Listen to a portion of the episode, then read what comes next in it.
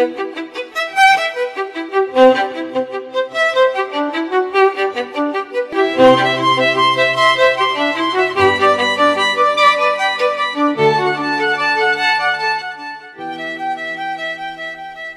er Bergens historie med lokalhistoriker Bjørn Bagge, og vi holder oss i bryggeribransjen, Bjørn.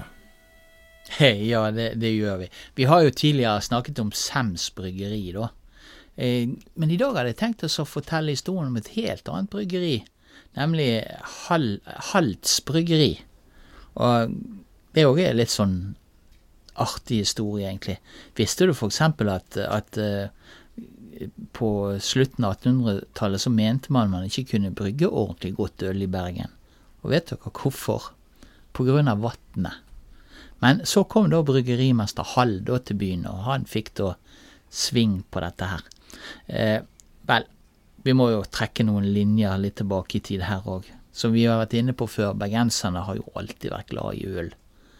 Men på siste halvdel av 1800-tallet ble ølet likevel hovedsakelig importert fra andre byer. Bergensølet ble nemlig på denne tiden regnet som mindreverdig i forhold til f.eks. For hovedstadsølet. Snakk om å ha dårlig selvtillit, holdt på å si. Eh, det ble sagt at det ikke gikk an å brygge godt øl i Bergen, slik som man kunne i hovedstaden Kristiania. Og merkelig nok, helt utrolig, så var det vannet som fikk skylden. Man påsto at det ikke egnet seg til ølbrygging. Ja, de eksisterende bryggeriene, da, som det Semske bryggeriet som vi har snakket om, og Kronvikens bryggeri, hadde jo da en relativt enkel og liten produksjon. Eh, så bergensølet ble hovedsakelig produsert av hjemmebryggerier. Og i virkeligheten var det nok heller mangel på profesjonelle aktører mer enn vannet som var årsaken til at ølet kanskje ikke ble så veldig bra. Og dette førte jo da nettopp til at Bergen ble, hva skal vi kalle det, en slags dumpingplass for østlandsbryggeriene. Eh, det fantes derfor hele 30 østlandske agenturer for øl i Bergen i slutten av 1880-årene. Ja, det ble gjort forsøk på å starte nye bryggerier. I 1879 så startet Bergens Aktie bryggeri, som det heter, sin virksomhet på Stølen. Men driften så ikke ut til å være veldig vellykket. Høsten 1886 ble derfor bryggeriet solgt videre til Ole Falk Hald, som snart etablerte OF Halts bryggeri. Hald eh, var ingen nybegynner i, i bryggeribransjen da. Han hadde en lang erfaring fra, eh, fra bransjen da han kom til Bergen. Han, eh, av alle verdens ting, og kanskje ikke det var så dumt, av utdannelse så var Hald farmasøyt. Og så begynte han da å arbeide ved Kristiania bryggeri etter utdannelsen.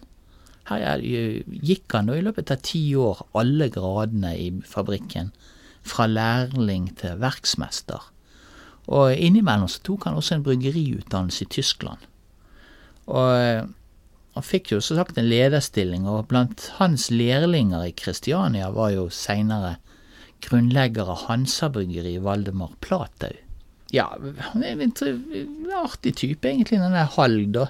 Og familielivet Han giftet seg da med Ragna Louise Gulliksen, og kjærligheten må jo da ha blomstret, da, for de fikk ti barn sammen. Og hvorav flere ble da kjente idrettsfolk både innenfor fotball og skøyteløp. De var på mange måter pionerer innenfor idretten. Eh, stortingspresident Hambro, som pleide å gå i, i hva skal du si, hjemmet til, til Hald, omtaler da seinere bryggerimester Hald og konen som fantastiske mennesker. Tilbake inn til bryggeriet. Hall overtok et bryggeri som bestod av tvende sammenhengende kjellere samt to mindre værelser som lå på et heldig beliggende sted. Samtidig som han kjøpte bryggeriet, sikret han seg også nabotomten. Her er innredet nå Hald nye kjellerrom, et ishus og andre bruksarealer. Eh, Hald moderniserte nå driften og bryggerierfaringen og den farmasøytiske bakgrunnen ga han da en vitenskapelig, kan du kalle det nesten, tilnærming til bryggeriarbeidet, sånn at ølet faktisk ble godt. Altså han hadde med seg kunnskaper som gjorde at han fikk til dette her med å lage godt øl. Ja, fra starten av så produserte bryggeriet bayerøl, bukkøl, eksport og to sorter såkalt søtøl. Etter hvert så ble det også laget eh, lager- og, og pilsnerøl. Og i 1891 så opprettet Hall også da en mineralvannsfabrikk. Og jeg så en annonse for disse min mineralvannene. Det var enormt med brusme, brussmaker, fra sitron til ananas. Det er litt sånn artig sak, egentlig, det òg. Etter etableringen av Hals bryggeri og grunnleggelsen av Hansa bryggeri i 1891, så hadde byen da fått to moderne bryggerier. Og I tillegg fantes det også Kronvikens, som vi nevnte her rett i sted, utenfor byen, nemlig på Årstad. På begynnelsen av 1890-tallet ble likevel fremdeles 80-90% av alt ølet som ble drukket i byen, importert fra utenbysbryggerier. Det er ganske mye, det. Men egentlig fra denne tiden, da, fra begynnelsen av 1890-årene, eh, så økte da de tre bergensbryggeriene sine markedsandeler. Da både på bekostning av de utenbysbryggeriene. Og så utkonkurrerte de da alle disse her mindre øl- og mineralvannsprodusentene som var i byen, da. Det var nærmere 30 stykker, da. Eh, bergensølet var nå i vinden, da.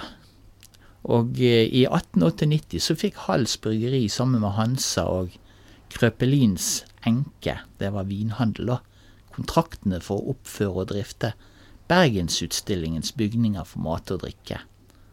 Hall hadde da, akkurat som Hansa og Kronviken, egen ølhall i. Ja, denne ølhallen òg, den blir jo da omtalt slik i, i forbindelse med utstillingen. På utstillingsterrenget like til venstre for hovedportalen har bryggeriet innrettet sin vennlige og anselige birhalle. Der, like fra utstillingens åpning, har hatt tallrikt besøk. På slutten av 1890-årene så, så Hald behovet for å videreutvikle bryggeriet. I 1899 foretok han derfor en større ombygging, og nå ble bryggerhus og maskin- og kjellerarealene oppgradert med moderne og tidsriktig maskineri. Eh, rundt år 1900 hadde bryggeriet fått to spirerom, et kjølerom og to store svalekummer. Og så var det også gjærhus delt i to avdelinger. Og i tillegg så fantes det også eh, et bryggehus, et hishus, et maskinhus samt et flaskerenseri der man anvendte sitat av Pindestoftes nyeste maskiner for flaskeskylling, tapping, korking og pasteurisering. Etter ombyggingen kunne man brygge 5000 liter øl om gangen, og lagerrommene hadde plass til 100 fat på 2000 liter øl hver. Det er ganske mye, det, hvis vi begynner å regne. Det er 200 000 liter øl de kunne oppbevare. Og, ja, og denne utvidede virksomheten medførte naturligvis også et transportbehov. Og bryggeriet hadde jo selvfølgelig også sin egen stall, da, hvor det var plass til fem eh, hester. Så vi skjønner at dette er jo nå begynt å bli en ganske stor virksomhet. Og, eh, og eh, i 1907 så var det 20 ansatte der, da. Eh, og avisene skriver da at bryggeriets øl er meget velsmakende.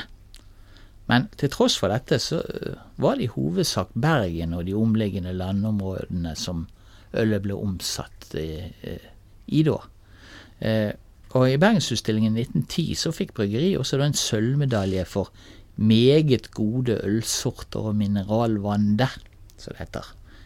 Ifølge Hald var årsaken til at ølet var så godt Det er jo litt artig i forhold til hva vi begynte med å fortelle denne historien om.